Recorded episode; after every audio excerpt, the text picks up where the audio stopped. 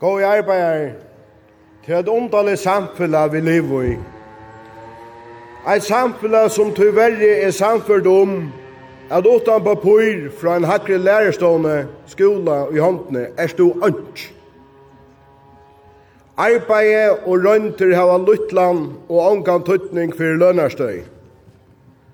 Korstene vita vit öll at ta store verskfødlene hava vere og ta reinkjøra følse, rusken saunarne, buss og lastbilaførarne, kassadamene og krampakatlaner, ødler i færen til hus, ta stegar alt samfunnet i opp.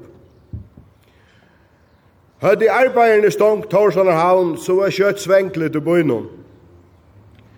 Ta okkar ytla lønt i omsorgarna for letja arbeid nyer, ta dodja vid sjuke og elendighet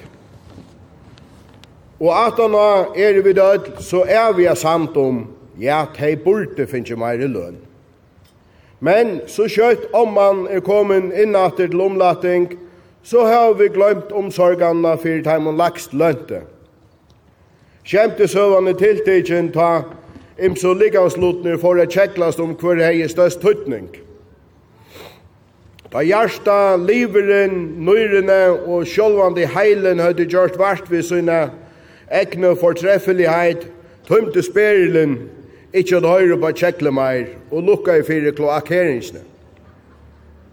Og så kvørst, og i ødel våre vi er drukne i lorste, måtte hinne likamslutene vikenga, at kloakkeringen hei avgjørdan tøtning for tæra velvere og luftstøy.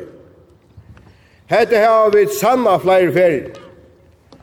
Men Om så vid her i havnene har vært lykka vi er drukna i lorste og vannrøkt, så hendra kalla ånd. Vi tidsast avhaldande samferd om at hese lønarmoner er i leie.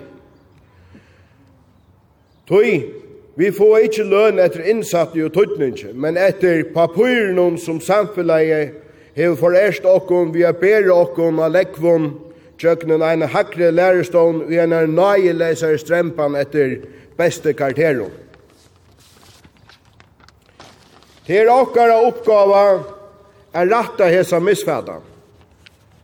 Det er okkara oppgava er få folk at kjenna stoltleika av sin arbeid. Det må være innsatseren og samfunnslige og menneskeslige tøtningen av arbeiden som avsetter hvert arbeid er verst. Lønnen må endespegla hva en tøtning starve hever ikkje hver for papur du hever i revalomann. At treat hese må vi som samfella eina fer fyrir alt og stafeste at her tver arbeiderlønner eia er røkka til å seta føtter under eie bor og brei få eina familie. Og i tiltekne fyrsta meidagsrøvne og i 1926 sier stavning at arbeidaren virkar fyrir a gjera seg sjálvan donaligare til tess at lytta samfellet ihop og eit støye som etter åtta tøymars dagligt arbeid, åtte er givet hon og neie urstøgna til løvsins oppgjald. Men nu, nesten hundra år seitne, må vi stafesta at eit husarhalt vid tveimon arbeidarlønnen veri vent i horene og i peningastånden, du inntøkan røkker ikkje til enn i huset og mye økjennom. Og hetta lykje svartast av ankom. Og det må bæra til å vente hese gongtene vi a brøyta hoksunarhotten tja taimon som tekna, som innflytta og som bytja og som futja til det at det skal bæra til å bytja smarre og bøyligare og lengtiga futja bosteier lengt til er leia grunntøyker. I halde eisne at okkara fjölmullar gjerra alt og løyte vi etter mal. Heldre enn eina feromana enn a fortelja fölkje hos i høver mialprøyser nå i havnene og estrødene nå er, åtte fjölmillaner regelig at analysera kvui kostnaren er så sinnsjuk og høver. Men hese røra padlen er eisne av mila plattformer, her vi kjera vart vi okra leitluk ui hese bardaja. Og her eier havnar arbeidere fela a genga åtta.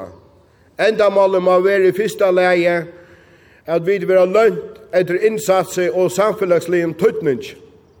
av de arbeid vi utenna og i øren leie at ein tøyligere innsatser eire djeva ötlun neiva, urstøkna til løpses oppgjalt. I vil enda heita av lovarsmina og jeg sitter her inne i løgtingsnum at hugsa meira om at løna fölkje etter innsatse og til tuttninge startarra samfellesliga hever.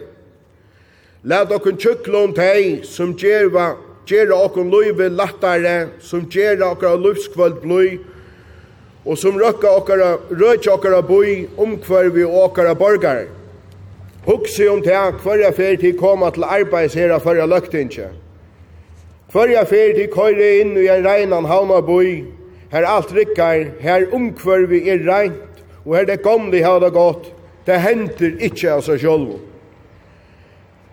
Ein alt og store parster av taimon som få boina mellan rundt, har ikkje dra byggvi boina, de kome inn vi morgonrotene. Men, tippes kloakken, så drukna vi det lorste, Lad okon du teka lekva teka og tritja at dette ikkje henter.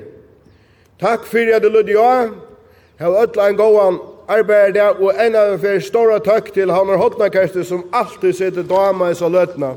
Takk fyrir det.